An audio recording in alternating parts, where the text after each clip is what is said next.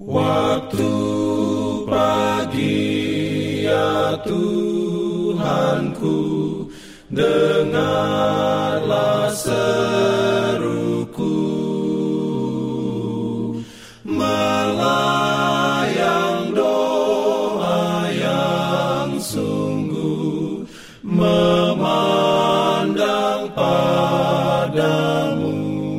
Selamat pagi pendengar Radio Advent Suara Pengharapan.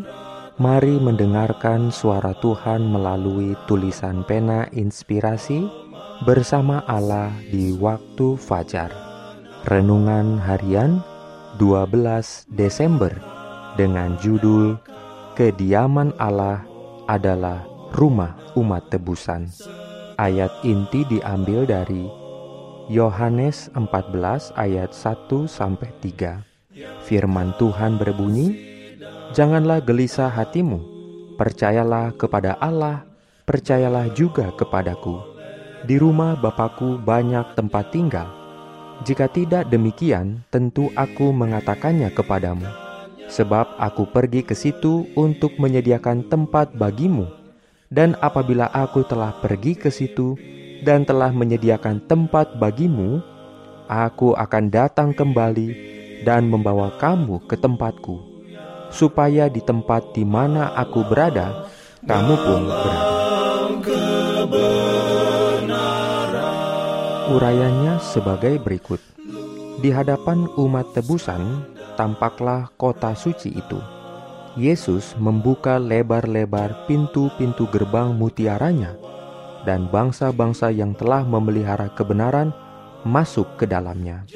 Di sana, mereka memandang Firdaus Allah, tempat kediaman Adam sebelum ia berdosa. Kemudian suara itu yang lebih merdu dari musik mana pun yang pernah didengar telinga fana, terdengar berkata, Perjuanganmu telah berakhir. Marilah, hai kamu yang diberkati Bapakku, warisilah kerajaan yang disediakan bagimu sejak dunia dijadikan.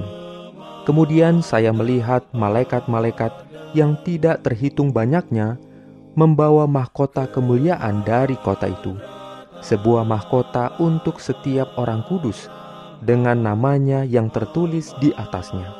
Ketika Yesus meminta mahkota-mahkota itu, malaikat-malaikat mempersembahkannya kepadanya dan dengan tangan kanannya sendiri, Yesus yang indah itu memakaikan mahkota-mahkota itu ke atas kepala orang-orang kudus.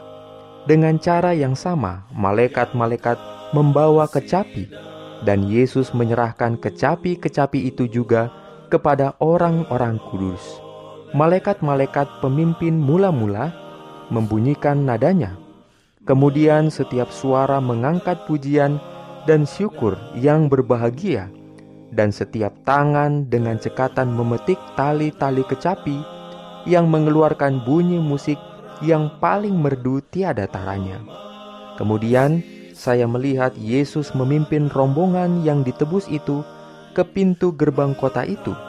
Ia memegang gerbang itu dan mendorongnya di atas engselnya yang berkilau-kilauan, lalu menyuruh bangsa-bangsa yang telah memelihara kebenaran supaya masuk ke dalam kemuliaan luar biasa yang mereka lihat di mana-mana.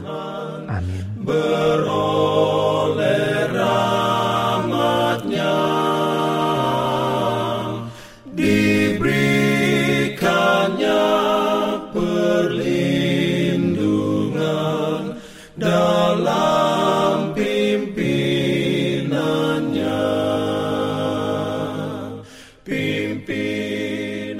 Jangan lupa untuk melanjutkan bacaan Alkitab sedunia.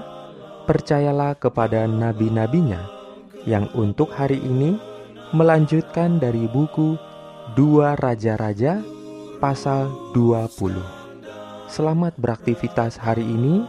Tuhan memberkati kita semua. jalan kewajiban